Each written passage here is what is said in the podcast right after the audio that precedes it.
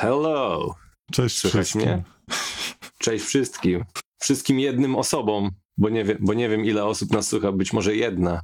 Być może, nie wiem. Zobaczymy. może. Z biegiem czasu, jak się to rozwinie, to Może, może wrzucimy na nasz Discord na może, rubierze, może to, będzie wtedy z, ze dwie, może to trzy. może ktoś kliknie z Może litości. tak, tak. Dobrze, od czego zaczniemy? Od nazwy chyba. Od nazwy, dobrze. E, Nazwa powstała e, spontanicznie. Jezu, już powstała? Bardzo.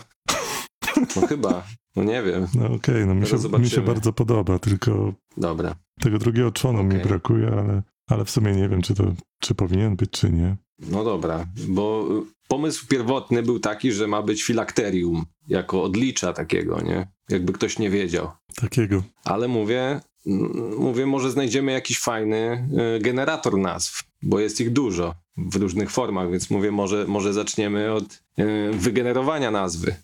Ale potem pomyślałem, w sumie mam taką fajną książeczkę, w której jest y, generator liczy i ich filakteriów, więc mówię, hmm, może jednak tego byśmy zaczęli, ale to już będzie jako później. Myślę, że do tego przejdziemy z biegiem czasu. O czym my będziemy w ogóle do Was rozmawiać? No właśnie, o czym, o czym dzisiaj właśnie. ustaliliśmy, że będziemy rozmawiać o ruchu, który się nazywa OSR. Tak, czyli Old School y, Revival albo Old School Renaissance. Renaissance, Tak. albo po prostu OSR. Krócej jest wtedy. Czym jest ten ruch? Dla każdego jest czymś innym. Na przykład ja się o nim dowiedziałem trochę późno. Nie wiedziałem, że to ruch, który sięga aż tam początków. W tym wypadku widzę, że OGL w 2000. Ja też znalazłem taką informację, że on powstał w latach 2000 razem z wydaniem trzeciej edycji Dungeons and Dragons. Wiem w sumie dlaczego tak późno, ale to chyba właśnie związane jest konkretnie z wydaniem Dungeons and Dragons, a nie z tym OGL-em, tak jak można to wyczytać na różnych stronach internetowych, jak się szuka historii tego OSR-u, to wszyscy podają właśnie wydanie tego OGL-u. Ale ciekawostka Tak. na dziś jest taka, że ten OGL tak, mi się wydaje, nie jestem prawnikiem i nie to, żebym czytał od deski do deski tą licencję, chociaż długa nie jest, to nie, jakoś nie utożsamiałbym powstanie OSR-u z y, tą licencją OGL, bo Tak. mechaniki gier nie da się opatentować i nie podlega ona jakby tym wszystkim prawom autorskim, trademarkom i tak dalej, więc nie można sobie opatentować rzutu D20, no, ale może rzeczywiście wybiegam trochę do przodu. Właśnie, może zaczniemy od tego, czym jest OGL, czyli ten Open Gaming License, czyli ta licencja otwarta, którą e, Dungeons and Dragons jak gdyby rzuciło innym twórcom i powiedziało, dobra, chcecie, e, macie, róbcie, tylko tam weźcie pod uwagę, że, że te wszystkie rzeczy, które stworzycie, żebyście zawarli, że to jest robione na naszej licencji.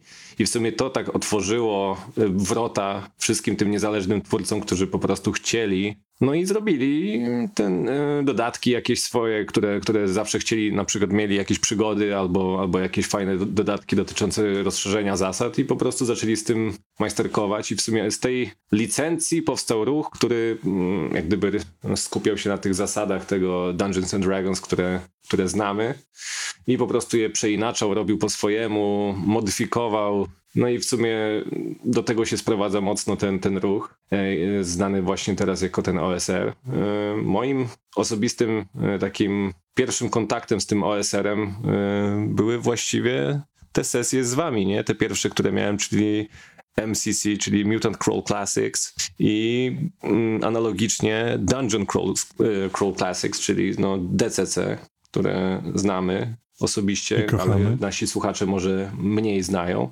ale do tego chyba przyjdziemy trochę później, bo Tak. też zaczynam wybiegać. To może od mojej strony, zanim do systemu przejdziemy, to jak ja widzę, co to jest OSR. OSR powstał, powstał w tych latach 2000.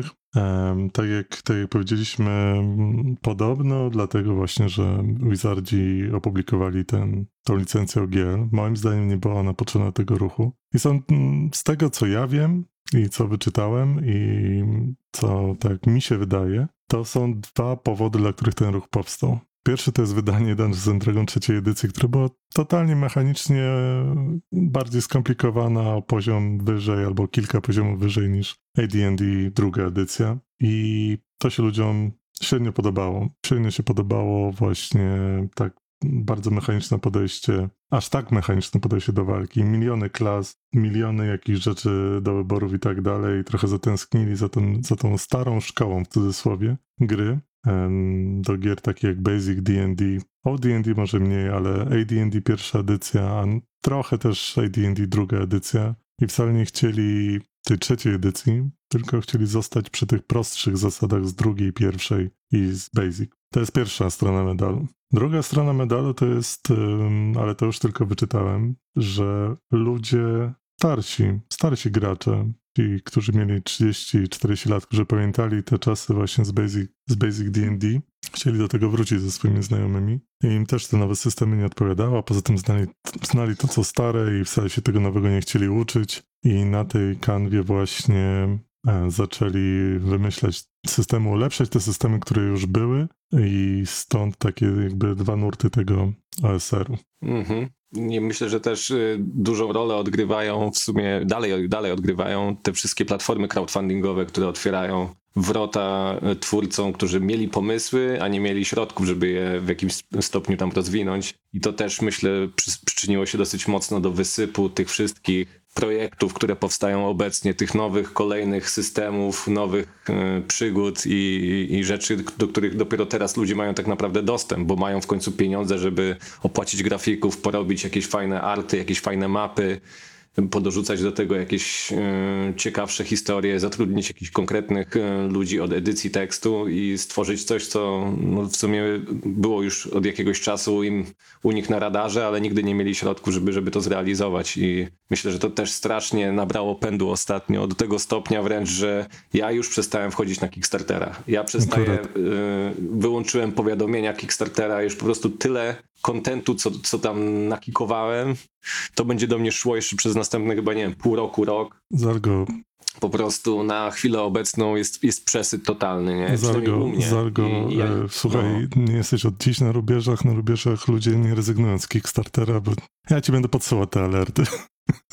No ja wiem, no ja dlatego też kiknąłem ostatnio Mothership, które jest z kolei jednym z moich ulubionych systemów, e, można powiedzieć też w sumie OSR-owych, tak, czy tam mm, takich no raczej retroklonów. No zresztą w ogóle Mothership jest, jest e, specyficznym systemem też bardzo i, i I no, miałem już nie kikować, miałem dać sobie spokój, miałem mieć po prostu, mam tyle kontentu do przeczytania do samego Mothership, że mówię, dobra, wystarczy mi. Zanim to wszystko poprowadzę, to zanim się tego nauczę, to, to mam jeszcze spokojnie z kilka miesięcy czasu. No ale jak wiadomo, dostaję jakiś link, zaczynam o nim czytać i mówię, hmm, no to brzmi ciekawie.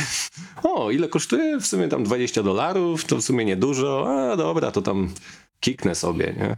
I tak, tak to jest, że, że cały czas do mnie przychodzą jakieś dziwne paczuszki, jak nie ze Stanów, to gdzieś z Niemiec albo z Anglii, coś tam zawsze jakieś, jak, jakieś rzeczy do czytania w tym są, nie?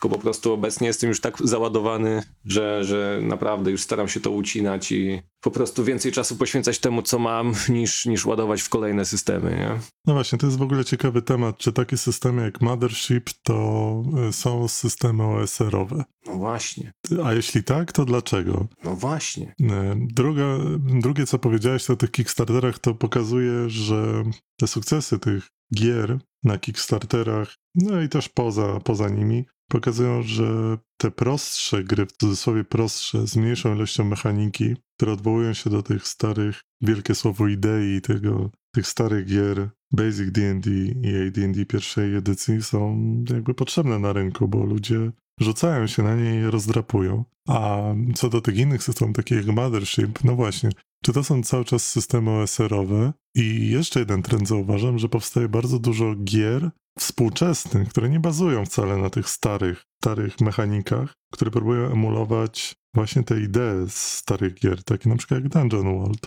które no nie emuluje, nie, nie rzucamy tam D20 i nie mamy, nie gramy tymi współczynnikami, ale mamy jakby zupełnie oryginalną mechanikę. Nasza mechanika jest oczywiście Apocalypse World, ale dostosowana do tych realiów e, OSR-owych. No właśnie, Mothership może, chociaż jest taki bardziej klasyczny, ale właśnie teraz ostatnio graliśmy w Hard, który, no ta mechanika, mm, ja jej nadal nie rozumiem do końca, ale jest właśnie taka lekka, bez, e, bez jakichś, e, no nie gra się współczynnikami, tylko gra się swoimi umiejętnościami czy specjalnymi zdolnościami. Jest bardzo narracyjna, no i nie gra karta postaci, tylko, tylko właśnie to, co wymyśli gracz. I to mi się wydaje, że to jest właśnie taka przewodnia idea tego OSR-u, że na, na karcie postaci nie mamy mnóstwa współczynników, mnóstwo umiejętności. Nie karta bohatera gra w grę, tylko właśnie bardziej gracz i jego pomysły. Tak myślę.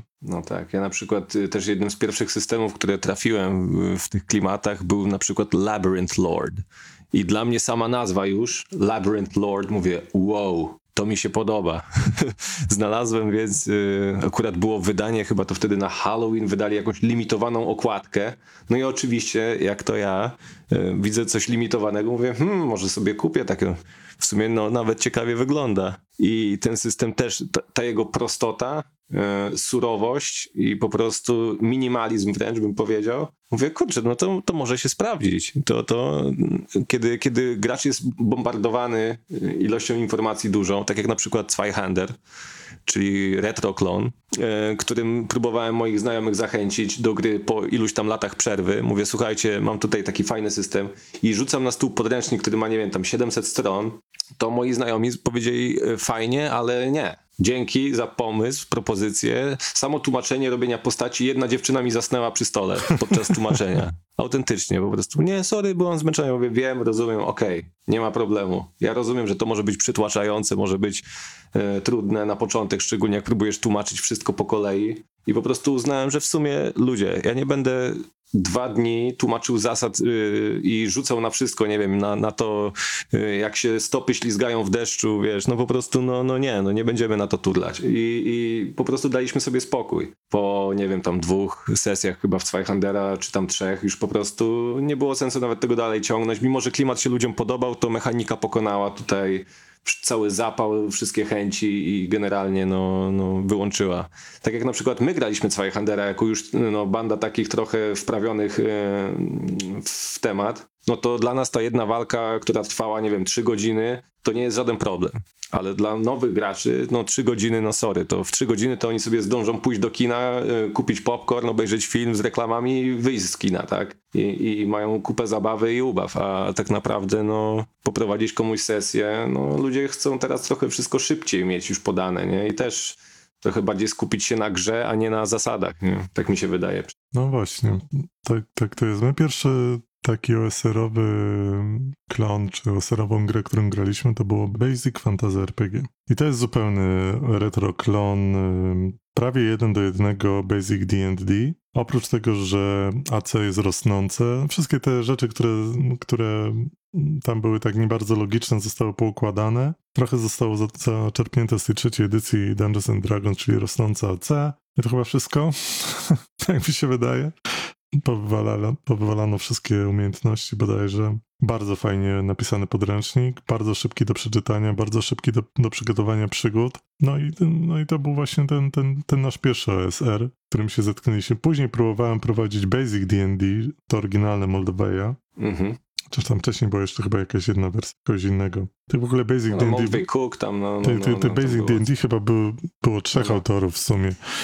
Mhm ale nie widziałem sensu, ponieważ to było to samo, to samo co Basic Fantasy RPG, tylko, tylko było nielogicznie poukładane, nielogicznie, nielogiczne zasady, które często sobie przeczyły. I było to dość, dość dziwne, także jeżeli chcecie Basic, pograć Basic D&D, to polecam Basic Fantasy e, RPG. Mhm, bo ja właśnie z kolei, jeżeli chodzi o tego Basica, to e, właśnie przerzuciłem się wtedy z tego Labyrinth Lorda, e, zacząłem czytać Old School Essentials i mówię, hmm, to jest praktycznie Labyrinth Lord, ale jeszcze, jeszcze fajniej podany, bo w Old School Essentials mm, od Necrotic Gnome fajną e, robotę robią e, małe podręczniki. Ten formacik, tych, to, że ty dostajesz pudełeczko, w środku są takie małe książeczki i każde, każda informacja jest tak roz, rozłożona, że na przykład otwierasz sobie krasnoluda i masz dwie strony idealnie ze wszystkimi tabelkami do krasnoluda, załóżmy, nie? I po prostu ten format podania, grafiki, no wszystko jest tak fajnie ułożone, że dla mnie teraz y,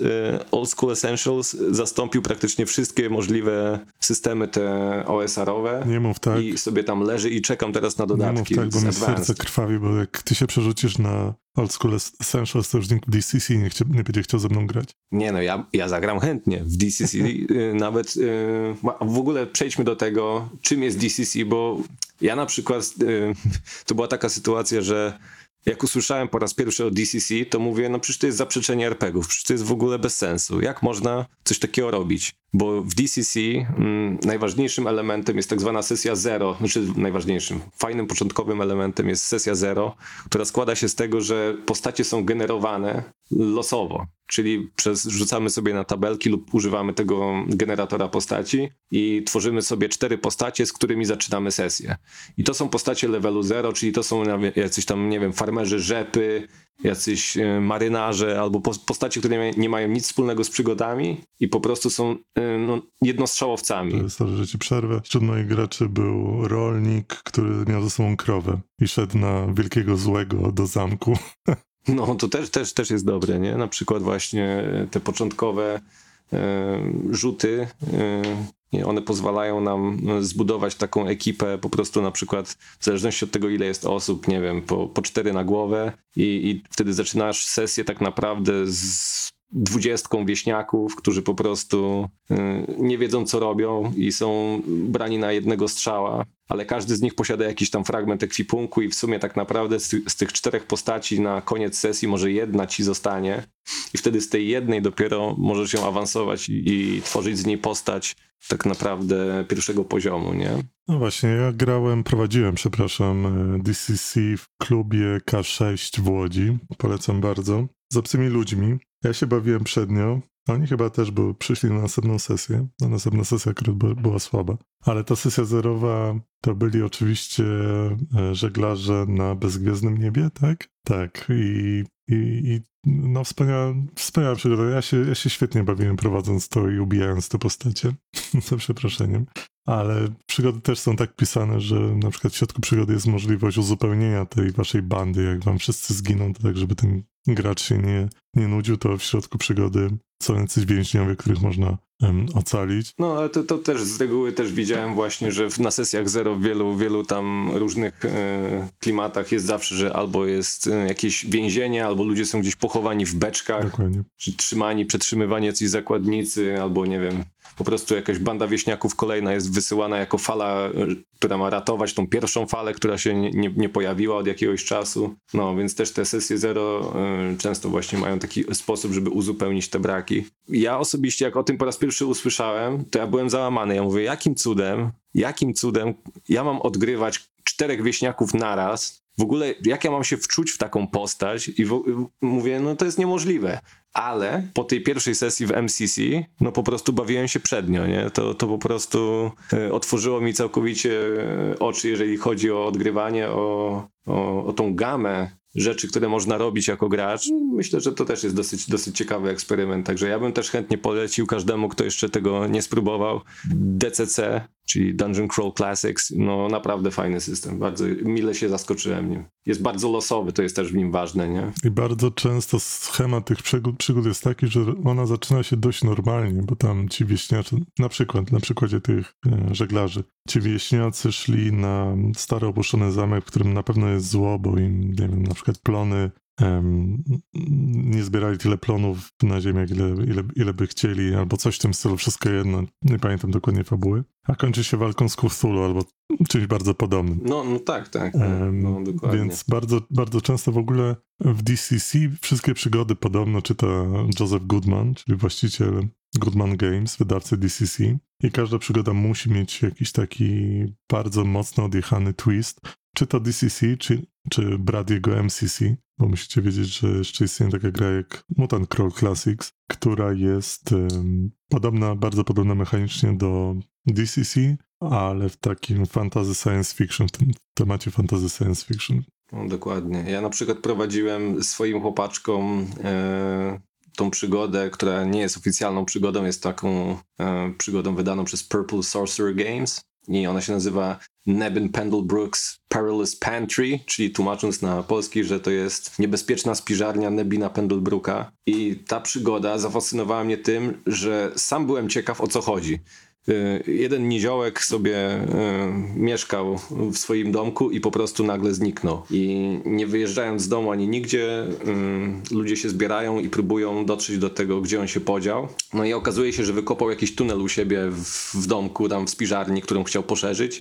I po prostu to, co się czai tam dalej, no, jest już tajemnicą, której nie będę zdra- zdradzał, bo być może ktoś jeszcze będzie chciał w to, w to zagrać, żeby, żeby nie spoilować. Ale po prostu to, jakie tam w- wykrętne sytuacje powstały, e, też bardzo polecam. I też przygoda zaczyna się niewinnie, tak raczej, że mm, trochę okolicznych wieśniaków wysyła swoich tam jakichś znajomych i, i, i takich pierwszych możliwych e, złapanki ludzi, żeby, żeby zbadali tą sytuację.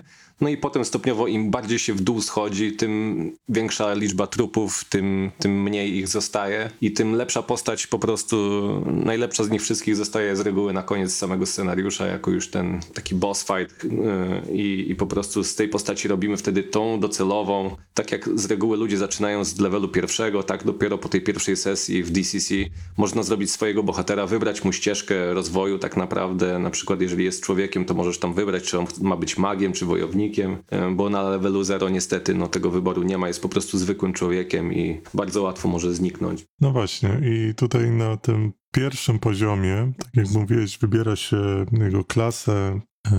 Jedną z klas jest e, bodajże elf i krasnolud, tak? Tak jak właśnie w tym starym D&D. Dobrze mówię? Tak, tak, tak, jest race by class, no tak, tak. Bo już mogły mi się pokręcić, mogły mi się te systemy. Ale co najfajniejsze w DCC, to jest moim zdaniem podsystem magii, bo magia w DCC jest bardzo ciekawie rozwiązana i efekt rzucania czaru zależy od tego, ile wyrzucicie na, kosty, na kostce. Jak, jak duży sukces wyrzucicie na kostce, możecie osiągnąć większą moc czaru aż do zniszczenia całego świata, kiedy na kostce K20 wrzucicie 30, a jest to możliwe, kiedy spalicie trochę siebie na przykład i dodacie do, do tego czaru. Tak, ja też niejednokrotnie słyszałem już o magach, którzy po prostu redukowali się do poziomu jakiegoś naprawdę już jody w plecaku, że po prostu tak się wypalili i poświęcili, żeby rzucić tego firebola i mieć do niego tam plus dzie- 10 załóżmy. I po prostu potem rzucali jakąś kometę, która paliła pół miasta zamiast po prostu rzucić zwykłego firebola, także Dokładnie. no Dokładnie tak. Jest, moim zdaniem ten podsystem magii po prostu sprawia, że ja bym bardzo chciał grać e, w to DCC. Właśnie z powodu podsystemu magii i sesji zero. Sesję zero, sesję na poziomie zero, przepraszam, można oczywiście zaemulować na każdym systemie, no ale tutaj jest wbudowane jakby e, w te przygody i, i w ten system. No i myślę, że DCC bardzo spełnia mm, warun- warunki, no te, te podstawy OSR, o, którym, o których mówiliśmy na początku, bo ma bardzo prostą mechanikę, nie ma żadnych umiejętności. Jest, ten to mnie najbardziej bawi w tym, jest rozdział o umiejętnościach i ma on dosłownie dwie strony, jedną, jedna kartka, tak, dwie strony, gdzie jest napisane po prostu, słuchaj, nie ma tych umiejętności, ok? Masz te swoje atrybuty, takie standardowe D&D, plus y, szczęście, I po prostu sobie tym graj, dobra? A tego, tych, tych umiejętności tam nie ma. Jak chcesz rzucać na umiejętności, rzuć na któryś tych, z tych atrybutów, a przede wszystkim myśl o tym, co twoja postać robi, gdzie mogą być pułapki oraz o tym, co ty mówiłeś, że to ma być szybko podane. Przecież y, głównym założeniem, każda przygoda się od tego zaczyna. Czy pamiętasz, jak te przygody były proste, jak był po prostu loch, Szedłeś ten loch, zabijałeś potwory, na końcu czekał wielki boss, koniec, następna przygoda, tak? A nie jakieś udziwnienia, mm, wiele mechanik, grube podręczniki, chociaż DCC jest grube, ale to przez gruby papier. No jest gruba, ale tam połowa to są arty, ale naprawdę warto dla samych w ogóle rysunków i ilustracji e, przytulić ten podręcznik Po- moim zdaniem. Połowa to są arty, a druga, druga połowa to są właśnie opisy czarów, bo każdy ten poziom sukcesu w To są czarach, tabelki do czarów, Tak. tak. no. każdy, każdy tak, poziom no w tych tak. czaru, czarach sukcesu daje trochę potężniejszy efekt, więc warto sobie te czary skserować gdzieś, wydrukować na kartce papieru, żeby mag miał to. To chyba jest najbardziej skomplikowana część tego. A trzecia połowa, haha, E, to jest e, porady dla mistrzów gry e, i one są takie bardzo, bardzo ogólne i takie niezbyt, powiedzmy, wyjaśniające wszystko. I to właściwie o to chodzi, bo, bo tu chodzi o, chodzi o to, żeby, żeby samemu to wszystko wymyślać, tak? Te efekty tego, co się stanie i to, że em, że ten, nie wiem, gracz czy bohater gracza idzie z tym kijem dziesięciostopowym i puka każdy, każdy kafelek, żeby nie wpaść w pułapkę. E, Cały czas myśli o tym, co jest przed nim, tak, e, sprawdza rzeczy, opukuje te ściany. Mm, No tutaj chodzi o to, żeby, żeby, żeby nie pasywna percepcja wykryła ci pułapkę, albo żebyś miał pretensje do mistrza gry, że przecież twoja postać mogła to zauważyć. No mogła, gdybyś powiedział, że szuka, no. Myśl trochę, a nie graj tą kartą postaci. Myślę, że jeszcze do sukcesu DCC ym, można dopisać to, że używa niestandardowych kostek, co oznacza, y, tak jak normalnie dla nas y, K20 nie jest niczym dziwnym, tak na przykład K7 już jest. A i DCC fizycznie używa tych, tych kości, które mają naprawdę już nietypowe liczby oczek, na przykład K5 albo nie wiem, no K30, tak? Kiedy, kiedy po raz pierwszy też zamówiłem tam mm, ten zestaw kości od nich, mówię, Jezu, co to jest? I K30 naprawdę jest imponująca. Nie? No to jest drażliwy temat. Te niestandardowe kości to, to dla graczy RPG jest zawsze drażliwy temat, chociaż przy, przy początkach D&D to właśnie, właśnie kości inne niż K6 były niestandardowe. Tak?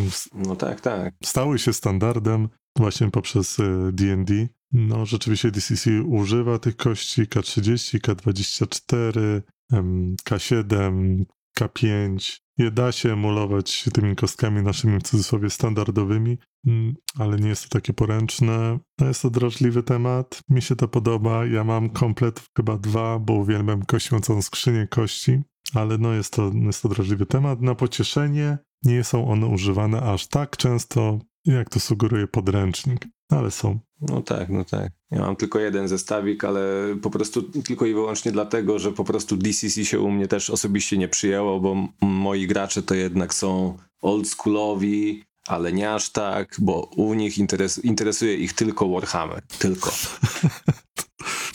To jest kolejny temat rzeka, ale myślę, że to pójdzie na kolejny, na kolejny odcinek. Ale po prostu sesja w DCC, no fajna, okej, ale hmm, no, szkoda, że nie Warhammer, nie? Już wiem, jak, się, jak nazwiemy nasz pod, podcast. Po co, skoro jest Warhammer? Po co skoro jest Warhammer? No, Albo filakterium Warhammera. no dokładnie. Nie, to na pewno jest jakiś ten licz, y, wiesz, z tego, No jest, jest, przecież jest przygoda. ze Starego Świata. No, Jest to przygoda jest z tym Heinrich. Kemmler, przecież licz mistrz, nie? Liczmistrz, no. No, no to tam. To się wytnie. U mnie, no niestety DCC nie przeszło. Miałem taki plan, że o, kupię sobie różne wydania DCC, każdy gracz będzie miał pod ręką jeden podręcznik, jeden zestaw kości. Miałem już takie fantazje naprawdę srogie na temat tego, żeby poprowadzić to tak dla całej ekipy. No ale jakoś tak, y, rzuty na inicjatywę, no nie wiem, to takie trochę nudne, bo też rozpieściłem moich graczy Shadow of the Demon Lord, gdzie po prostu rzutu na inicjatywę nie ma. I to też mogło być czynnikiem, myślę, że jak y, z takiego systemu jak Shadow of the Demon Lord, gdzie wszystko jest łatwe, proste, przyjemne, y, do tego stopnia, że nawet nie ma inicjatywy i teraz przerzuciłem ich na taki oldschoolowy system, gdzie też powinien być uproszczony, no i jest uproszczony, ale jest inicjatywa, no to o nie, a po co to? No nie możemy tak jak w demonie, że po prostu my idziemy pierwsi, a potem potworki, wiesz, i hmm. No cóż. Także trochę rozpuściłem chłopaków, ale no było warto, bo tego demona też naprawdę dużo. Ja jeszcze nie składam broni, mam w ogóle wszystkie przygody do DCC wydane od tej pierwszej, którą wydali dla własnego systemu, bo wcześniej Joseph Goodman tworzył przygody dla dedeków trzeciej edycji, 3,5, whatever, czy czwartej. No, dla tych standardowych wizardowych dedeków, a później przerzucili się na własny system, nie zmienili numeracji, więc mam wszystkie te przygody mm, rzeczywiście od początku. Do setnej czy 99 straciłem trochę rachubę, też mi, też mi skrzydła trochę odpadły, jak, jak nie miałem z kim grać w to. Natomiast e, ja nie składam broni i szykuję coś specjalnego. Czy wiesz, y, żeby prowadzić online, to też jak najbardziej myślę, że to przejdzie, ale mówię o moich lokalsach tutaj, to nie ma szans, nie? To ja wiem po prostu, że oni już czekają na tego Warhammera na trzecią edycję, bo im obiecałem, więc y, do tego czasu, zanim ja opanuję ten ruleset y, tej trójki, puszczę tego w końcu wspaniałego no, kampanię, którą mam do odhaczenia. Ja z Algo szykuję coś, wiesz, na Radkona. Na Radkon 2021. No wiadomo, nie? No to lokalnie to też, to też to, to już będzie zupełnie inny temat, ale, ale po prostu obiecałem tego mm, wewnętrznego wroga, że go w końcu zrobimy po latach, zanim umrę. To jest mój na bucket list, po prostu zanim strzelę ten, zanim mnie jakiś tir rozjedzie, y, po prostu chciałbym zrobić tego Warhammera, puścić po prostu całą tą klasyczną kampanię wewnętrznego wroga, poprowadzić ją od początku do końca i zamknąć to. I po prostu tak się złożyło, że mam przypadkiem Warhammera trzecią edycję w komplecie. Wow, skąd? No naprawdę, udało mi się ją zdobyć. Wow. No, to były długie lata zbierania na pewno. No, przez tego drugiego. No, przez tego drugiego, bo ja już na gotowe przyszedłem. No ale do DCC też mam bardzo dużo i powiem ci, że też jeszcze się nie, nie poddaję, bo bardzo chciałbym poprowadzić ten o tym cyrku. On się nazywa chyba Carnival of the Damned, czyli tam Karnawał Potępionych. I to jest też taka przygoda zerowego poziomu o, o nawiedzonym cyrku. I po prostu jak ja czytałem, na jakie sposoby mogą ginąć tam gracze, to jest po prostu niewiarygodne, nie? Super. Nie będę spoilować, ale jeden, jeden przykład podam. Jeden przykład, myślę, że to nie zepsuje tego, bo w tym, w tym cyrku jest chyba z 40 atrakcji różnych, czy tam 20 w tym namiocie cyrkowym. Nie wiem, czy kojarzysz takie... Są takie młotki, żebyś sprawdził swoją siłę i tam po prostu, wiesz, uderzasz z całej siły w młotek, on leci do góry, uderza ciężarek w dzwonek, ping. No, to pierwsza osoba, która dotknie młotka znika jej nie widać i nikt nie wie, gdzie ona jest a ona jest w tym momencie na samej górze tego dzwonka u góry, tego nie widać, bo tam, nie wiem, chmury zasłaniają czy coś i po prostu czeka na to, aż ktoś z tego młotka y, uderzy tak mocno, żeby skwasić jej głowę, bo po prostu ten ciężarek się tak rozpędzi, żeby rozwalić jej łeb. No po prostu hit, nie? Bo tam się szuka różnych rzeczy w, tych, w tym cyrku i trzeba to tam zdobyć na różne sposoby. Większość y, rzeczy się zdobywa przez to, że się odpala te różne gry i zabawy właśnie w tym, w tym namiocie, nie? No po prostu jak ja to przeczytałem, to się zakrztusiłem, Świetnie, nie? świetnie, żeby sobie nosi, nasz jeden słuchacz nie pomyślał, że to, jest, no, że to są systemy o zabijaniu graczy. Nie? To są systemy o tym, że gracze muszą myśleć, obserwować, pytać Tak jest, tak jest. i nie grać kartą postaci, gry tylko, logiczne. tylko To są gry dokła- O, logiczne. dokładnie, o to, to, to, to, właśnie to. Dobra, ale trochę zobaczyliśmy na jakieś Warhammery trzeciej edycji, co na pewno nie są OSR. Właśnie, właśnie. Ale, ale przynajmniej dużo słuchaczy się podłączyło teraz, bo jak już usłyszeli Warhammer, to się zlecieli. Na stówę tak jest. Skąd się podłączyli? Jak... Jeszcze trzeba otagować. Warhammer. A, no tak. Hashtag Warhammer. No dobra, chyba został nam jeszcze jeden temat. Ja nie pamiętam jeszcze, jakie gry OSR-owe grałem. Na pewno czytałem dużo, ale tak jak, tak jak u ciebie z Algo, o mnie też nie ma wielu chętnych na takie OSR-owe, no, OSR-owe jakieś wycieczki i bardzo szkoda, bo i to się szybko przygotowuje i się fajnie gra moim zdaniem, ale wydaje mi się, że tu chodzi o, o jakąś taką może nie leniwość graczy, ale właśnie podejście do tych gier, że ono jest, ono jest inne niż, niż to, co nas przyzwyczaił, nie wiem, Warhammer druga edycja, jak już o Warhammerze No mówimy. tak, no tak. Dedeki piątka, czwórka, trójka. No, tam robisz postać i, i ty już tą postacią będziesz grać na amen. To już jest po prostu twoja postać przez następne pół roku, którą będziesz odgrywać raz na tydzień, czy tam dwa razy w tygodniu. I po prostu, no, to już jest tyle. A w tych OSR-ach, no jednak trochę, trochę się to zmienia. I szybciej część chyba, graczy, tak jak nasz um, dobry znajomy, um, nie, odczuwa, nie odczuwa radości chodząc po lochach i ubijając co też nowe potwory. On bardziej by chciał mieć jakąś um, fabułę taką. Konflikt wewnętrzny, Konflikt wewnętrzny, tak. oczywiście, umęczenie psychiczne. Wiele frakcji. O, Historia męczenie postaci no na tak. 8, na 8 stron A4 też musi być, ja rozumiem. Wiele frakcji, żeby Rozumiem. działać na kilka frontów, żeby działać prze, przeciw mistrzowi gry, przeciw drużynie i żeby, prawda, za plecami coś tam Tak, robić. ale na własną rękę i Tak. rozwijać swoje własne agendy. No, super. No dobrze, e, a został jeszcze nam jeden temat, który, przynajmniej jeden temat, który rozpoczęliśmy, czyli takie gry jak Mothership, Hard, to tam jeszcze Apocalypse World, Dungeon World i kilka takich nowych, innowacyjnych wręcz gier, to też OSR. Na przykład Mother- Mothership, bo w to graliśmy razem. Tak. Czy to jest OSR? Czy to jest OSR? Trochę jest. Moim zdaniem trochę jest, bo jest dużo w nim, to się nazywa DIY, czyli tak do it yourself i masa rzeczy, w, z czym kojarzy mi się OSR, to jest to, że zrób to sam, czyli nie wiem, chcesz jakąś tabelkę, okej, to ją sobie zrób i sobie jej używaj, nie wiem. Yy, I z tego co widzę, Mothership też jest na tyle giętkie, że pozwala, jest bardzo otwarte na innych twórców i na innych graczy. I ci twórcy Mothership tam też są bardzo pootwierani, jeżeli chodzi o, o współpracę. I mnóstwo, mnóstwo rzeczy y, fanowskich y, wspierają. I to mi się właśnie podoba u nich, że, że na przykład jest jakaś tam tabelka, na przykład na um, osobna, którą sobie gracze inni stworzyli, y, jak reagują androidy, kiedy już tam mają załaman załamanko psychiczne? I mają normalnie, ludzie mają swoje reakcje, gracze inni stworzyli y, tabelkę na, na to, jak, jak operują androidy, kiedy już im się tam piąta klepka odklei, nie? kiedy już im ta poczytalność spadnie do zera. No i to jest na przykład świetnie zrobione i ci twórcy powiedzieli, że wow, super, fajne, słuchajcie, no trzeba coś y, z tym jeszcze tam y, gdzieś to tam dalej pchnąć i, i na swoich Discordach też tak współpracują z ludźmi. I mi się wydaje, że ten czynnik OSR-u, o którym, o którym jest mowa, to jest właśnie też ta otwartość na, na innych ludzi i na ich pomysły przez samych twórców, nie? Bo, bo na przykład Mer- Merkberg, kolejny też taki mm, system, który y, uważam za jeden z fajniejszych, też się ostatnio bardzo otworzył i po, po prostu powiedział, słuchajcie, chcecie robić dodatki do Myrkbyrk, bo to jest skandynawskie, to może jest bardziej surowo, Myrkbyrk, Mnie nie pytaj. i, i chcecie robić do tego chcecie robić do tego dodatki, no to róbcie. To tylko chlapnijcie tam nasze logo, żeby było gdzieś z przodu i, i używajcie tam podobnych czcionek i nie ma tematu. I od teraz, jak wpiszesz na Kickstarterze Merkberg, to ci wyjdzie chyba, nie wiem, z 50 rzeczy, nie? Po prostu ludzie zaczęli wystrzeliwać te dodatki jeden za drugim. Ja już przestałem je wspierać, bo też już mam ich chyba z pięć.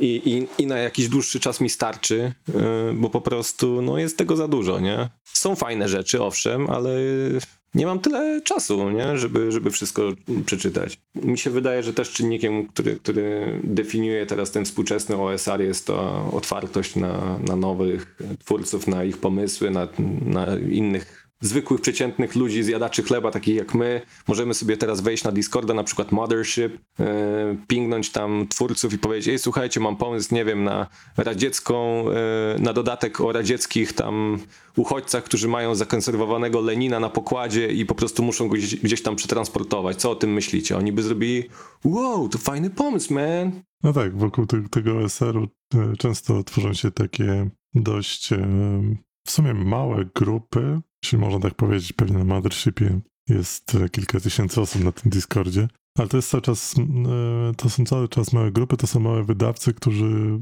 mogą sobie pozwolić na taki kontakt z ludźmi, którzy grają w ich gry. To jest też ważne, tak.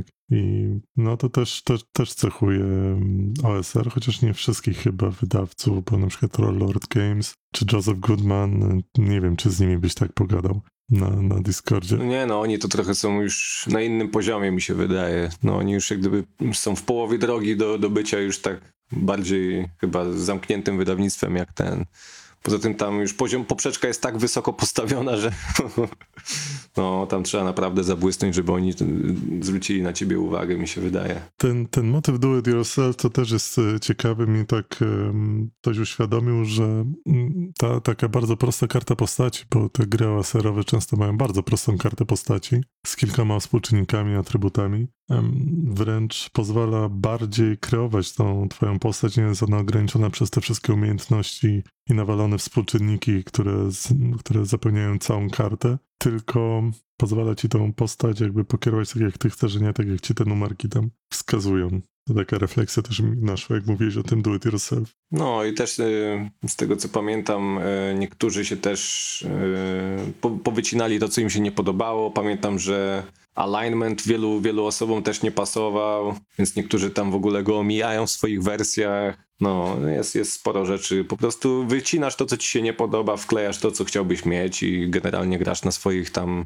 przerobionych domowych zasadach. No, z tego co widzę, Mothership na przykład też się mocno słucha swojej bazy graczy, bo ludzie, sporo ludzi wytknęło tam kilka błędów w tym podręczniku podstawowym, w tym pierwszym, który wyszedł na Kickstarterze, który był no, dosyć popularny swojego czasu. Tam ludzie się rzucili też fest na ten system. No i widzę, że z biegiem czasu oni te zasady modyfikują, słuchają tych innych rzeczy, innych graczy i zbierają od nich po prostu feedback. No i na podstawie tego mm, zmieniają też ruleset, tak żeby innym ludziom było wygodnie.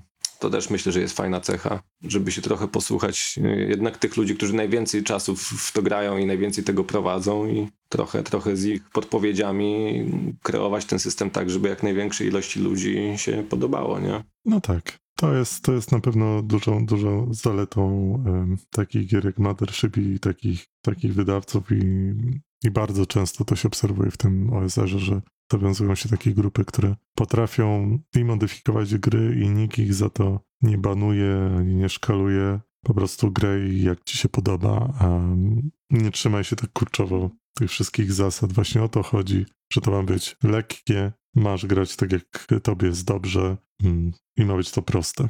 Dokładnie. Ja ci powiem tak, ja przygotowałem na dziś tabelkę z tego, y, z podręcznika pod tytułem The Forgotten Rites of the Moldering Dead, czyli zapomniane rytuały gnijących umarłych. I mam tutaj na stronie 39 tabelkę dla liczy. I jest dział filakterium. Jakie filakterium? Możemy sobie poturlać i zobaczyć, jakie nam wyjdzie. Nie, Możemy sobie, chwilę? No, no tak, no klamrą zamkniemy ten chaotyczny odcinek i właśnie a propos chaotyczności to Właśnie. My się w ogóle nie przedstawiliśmy, nie? W ogóle No, tak zero to historii. Kim jesteśmy do, do cholery? Dobra, wyrzuciłem. Czekaj, czekaj, czekaj, bo właśnie a propos, a propos tej chaotyczności, to, to mi się skojarzyło, że to moglibyśmy się nazwać filakterium chaosu, bo właśnie Tak. nam nie, przedstawiali, Też o tym myślałem dzisiaj. Też o tym myślałem dzisiaj, idąc po schodach do góry, mówię, hmm, filakterium, ale jakie? I wtedy właśnie chaosu jest dobrze. Okej. Nasze filakterium chaosu, jego forma, Co tam wyrzuciłeś? obiekt, wyrzuciłem piątkę. To jest canopic jar, czyli urna kanopska, taka jak w Egipcie, w której trzymano wnętrzności faraonów. I zobaczymy, jaki rodzaj, bo mamy cztery. I na naszej urnie, tu muszę już zmienić kostkę na K4, także pardon. Na naszej urnie kanopskiej znajdują się, no to nie będzie zaskoczenie, hieroglify. Okej, no dobra, no, no dobra. No dobra, Ktoś musi nam art narysować, wiesz, żeby była chociaż okładka na no jakimś właśnie. YouTube No albo właśnie. na innym podcaście. Dokładnie. Urna Podbinie, kanopska czyli- w formie hieroglifów. No bardzo, bardzo No. taki standardowy bym powiedział, bo mogło być szklane oko, mogła być jakaś korona. E, Trzeba pracować dobra. z tym, co wyrzuciłeś. no to, Albo no, przerzucić. To jest, To ty No tworzysz właśnie. reguły. no właśnie, to ty tworzysz. tego. A gdybym, a gdybym tak sobie rzucił co innego, to ja tak co innego sobie rzucę, z ciekawości. Teraz jak już wrzuciłeś, to możesz jeszcze raz rzucić. No właśnie, teraz wyrzuciłem. O, szklana butelka, ale taka wytworna. No, powlekana ołowiem jakoś. No, niesamowite. A to też jakieś mało ciekawe. To jest urna kanopska, już mieliśmy. O, metaliczna, metaliczny kielich. Mm, zobaczymy z, z czego jest zrobiony. Z obsydianu. O, no to No, taki proszę. kielich z obsydianu już, już trochę fajniej może wyjść. Zdobiony, ładny taki. No, to już może być lepsze. Zdobiona, zdobiony kielich z obsydianu. Także jeżeli ktoś chce nam narysować e, filakterium, może być urna, może być kielich, nie wiem. To, to co będzie ładniejsze wrzucimy pewnie na logo. Z hieroglifami albo z obsydianu. Można połączyć te dwa elementy. Ta jedna osoba, która będzie, ta jedna osoba, która będzie słuchać, na, na pewno artę narysuje. Można je wysłać na, na naszą skrzynkę pocztową, której jeszcze nie ma w sumie. Nie wiadomo, czy będzie. No właśnie. No zobaczymy. Dobrze, Zargo, to w takim razie chyba się żegnamy, bo już No, żegnamy się. No tak, bo to już długo. na mojej nagrywajce to już 49 minut. To już stanowczo za długo. Ja mam na imię Radek. Ja mam na imię Wiktor, ale można na mnie mówić też Zalgo, bo tak już wszyscy na mnie mówią w sumie. No i co, dziękujemy za przesłuchanie pierwszego odcinka albo zerowego odcinka, bo to wiesz, zerowy level, To chyba, to Zerowy chyba będzie poziom. zerowy odcinek. zerowy Tak, poziom, wiesz, DCC. Tak, zerowy odcinek Tak, będzie podcastu zero. e, Filakterium Chaosu. Chaosu, to powstało teraz. No dokładnie. No może nie chaosu, no jeszcze zdecydujemy. No to jak coś będziemy turlać, nie? Tak. Znajdziemy to. Poturlasz jeszcze raz. Dobra, I dzięki za trzymajcie słuchanie. się tam, nie? No, No. trzymajcie się. I do następnego, do levelu pierwszego. No, na razie. Cześć. Bye.